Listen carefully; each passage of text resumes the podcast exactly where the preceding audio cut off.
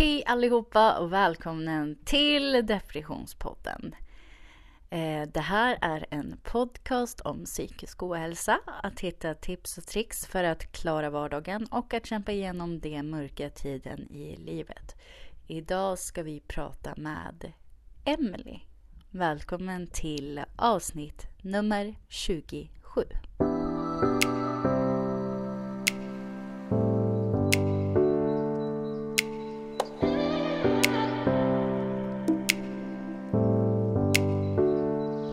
Hej Emily, välkommen till podden. Tack så mycket. Eh, du kan väl berätta lite om dig själv, hur gammal du är och vad du gör på fritiden och så? Eh, jag är 22 år och eh, ja, vad gör jag på äh, fritiden? Um, jag håller på med mina hundar och mina kaniner. Um, jag kollar mycket på serier och musik lyssnar jag på otroligt mycket. Ja men typ exakt samma fritidsintressen som jag har då. Ja precis. Speciellt det med kaninerna såklart. Ja precis. Eh, vad sa du? Man måste ha en kanin. Ja. Och nu har ju jag faktiskt eh, två kaniner just nu. Ja just Bara dock en på obegränsad tid. Men ja hon hälsar på mig lite. Ja. Det är så, det, det är så konstigt för att eh, hon och Maräng har alltså helt olika personligheter. Alltså de är verkligen Fast nu är Siv kastrerad också så att, Jaha, ja. så att hon har väl inte den här liksom hormon liksom, ja men precis berg och dalbanan som Maräng har. Mm. Men eh, nej men det är så roligt för att man kan liksom Man kan klappa sig, man kan ta upp henne, man kan göra liksom allting och hon rör sig typ inte ens. Nej. Medan eh, Maräng hon bara alltså, du vet springer och ja. bara så här. Nej, jag, ja, så här. Jag ska verkligen inte sitta still och bli klappad av dig mamma liksom. Nej precis. Eh, men eh, podden var det ja. Ja. Eh, Den här podden handlar ju inte om kaniner även fast eh, Tyvärr inte. Nej, även fast vi kanske skulle starta en eh, podd som handlar om kanin. Men eh, när jag säger ordet depression, vad är det första som du kommer att tänka på då? mitt liv. Antar jag. Ehm, så depression är... Jag tror att många människor ser det väldigt olika. Ehm, jag tycker att det finns olika depressioner. Mm. Ehm, jag är ju bipolär. Jag ser de, bipolär depression som en helt annan grej än vanlig depression. Eller vad man nu säger. Ehm, som kanske en person utan bipolär har. Mm. Um, för bipolär är ju manodepressiv. Att vi har maniska perioder och vi har depressiva per- perioder. Och det är verkligen så här, om en, vad säger man? En person som inte har någon diagnos eller depression i bakgrunden eller vad man säger. Um, får depression eller något sånt så kan den komma ut det på ett sätt. Inte lättare kan man ju inte göra men man kan, jag vet inte hur jag ska förklara. Men man kan bli glad också stund till stund. Mm. Som jag har förstått det. Eh, men jag har aldrig suttit i den situationen själv men det är så jag har förstått det att man kan ju ändå bli glad. Alltså, men man är ju ändå ledsen deep down. Eh, men för mig känns det som, eftersom jag har bipolär och jag tycker att min bipolär känns som att även fast jag står, när jag är där det depressiva och verkligen har min depression så är det att får jag en miljon kronor in på mitt konto för jag vann det blir jag inte gladare för det. Jag blir glad i två minuter och sen känner jag, "Åh, fan vad ska jag göra med de pengarna? Jag kommer ändå inte klara detta liksom.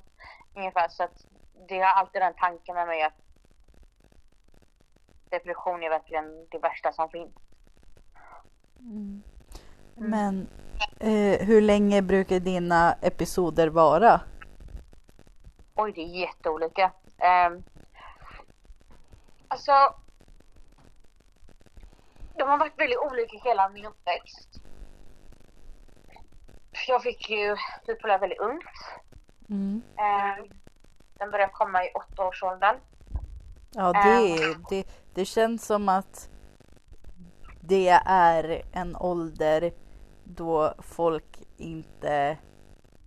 Ja, då folk tror att det bara är trots eller hormoner liksom. Ja.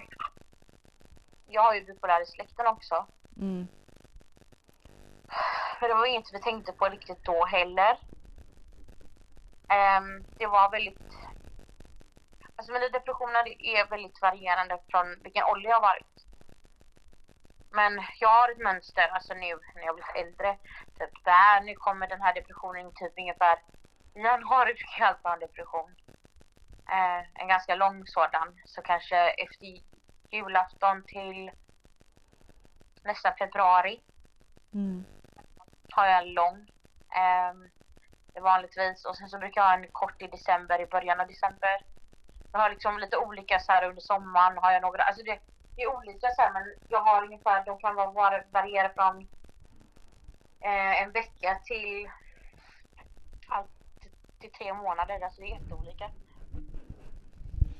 Men eh, känner du när du växlar eller när du är på väg att byta till det, det depressiva eller liksom så? Eller är det någonting som händer liksom, ja men du vaknar upp och sen en dag är du jätteglad eller jätteledsen eller alltså hur funkar det för dig? Eh, oj, eh, det var en svår fråga. Eh, det är väl mer... Jag märker det över en dag, Ja. kan jag säga. Men jag, mina nära och kära, de ser det mer successivt.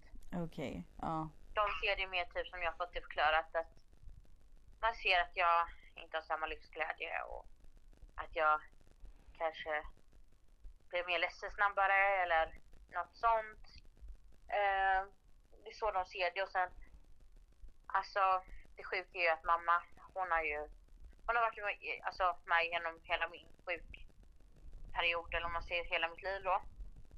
Och hon kunde när jag var yngre och jag var som mest självmordsbenägen så kunde hon höra när jag gick upp på morgonen vad det var för dag. Hon hörde det på mina fotsteg. Oj, Mm. då känner hon man verkligen dig. Ja, verkligen. Så hon kunde, alltså, vissa dagar kunde hon bara känna, åh nej, inte en sån här dag. Ungefär. För då visste hon att idag mår Emelie skitdåligt. Mm. Hon kunde bara höra det på mina andetag och allt det. Alltså du vet, man hör det på mig på ett speciellt sätt. Det märker jag själv egentligen, men det är så, det är så jag så jag märker inte av det längre nästan. Nej, Ehm, för det är liksom så jag...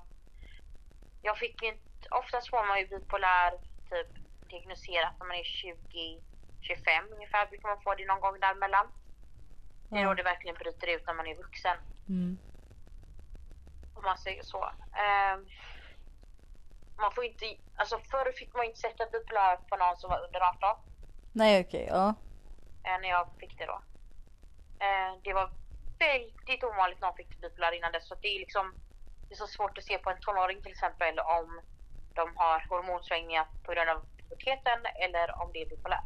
Ja, precis. Mm. Så det var väldigt svårt att se det på många men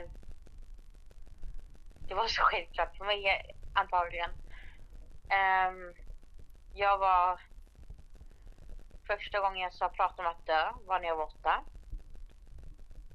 Men Ehm. var, var det liksom då när du...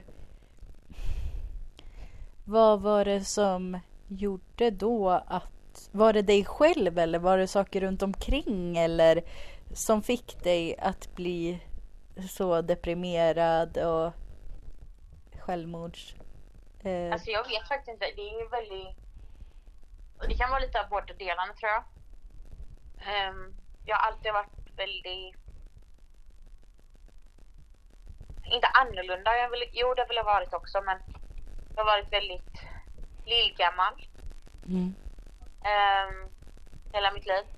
Ehm, så jag har varit det. När mamma satt och pratade i telefon så kunde de fråga, inte hemliga med mig idag? Typ, för jag var så tyst. Ehm, Mamma bara jo. Hon sitter och läser en bok upp och ner bredvid mig. Alltså jag har alltid varit sån tyst och väldigt fundersam och när jag typ på dagis kunde jag sitta och de tyckte att jag var jättekonstig lärarna då för att jag var inte den som sprang runt och var helt galen om man säger så. Jag var med, jag kunde hitta en leksaksbil till exempel. Mm. Så kunde jag sitta och öppna och stänga dörren för jag tänkte herregud vad coolt. Att den kan öppnas så lätt. Mm. Och det var väldigt, jag var väldigt, eh, ja, eh, fascinerad i saker och ting. Ehm, Känner du att du kan bli det nu med som vuxen om det är någonting som du, ja men jag vet inte, något nytt eller någon typ, ja, Ja. men vad som helst. absolut. Mm. Jag blir väldigt fast i grejer.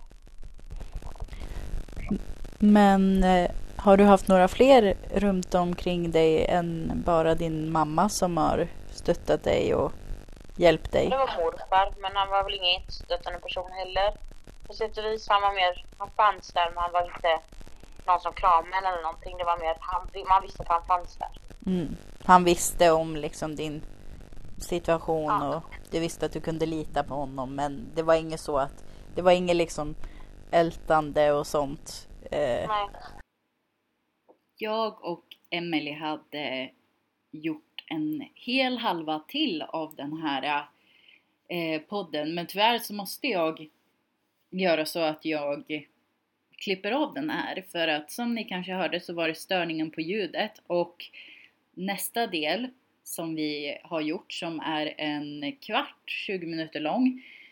Eh, blev ljudet bara sämre och sämre så att jag måste fixa det här med min mikrofon.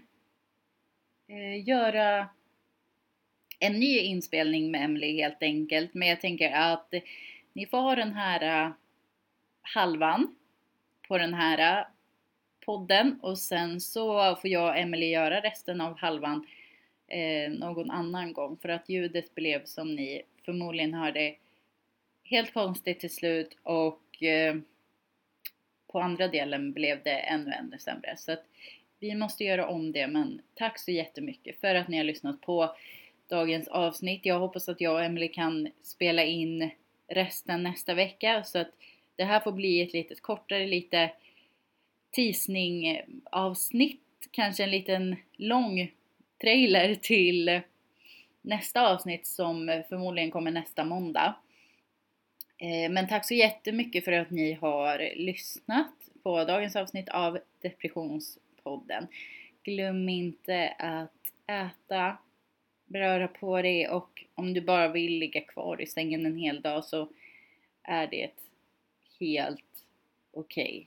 Det är viktigt att du pratar om hur du mår och eh, ta lite flingor, en macka och glöm inte citat av Stina Sörensson att klappa ditt husdjur ger dig endorfiner. Tack så jättemycket för att ni lyssnade på avsnitt 20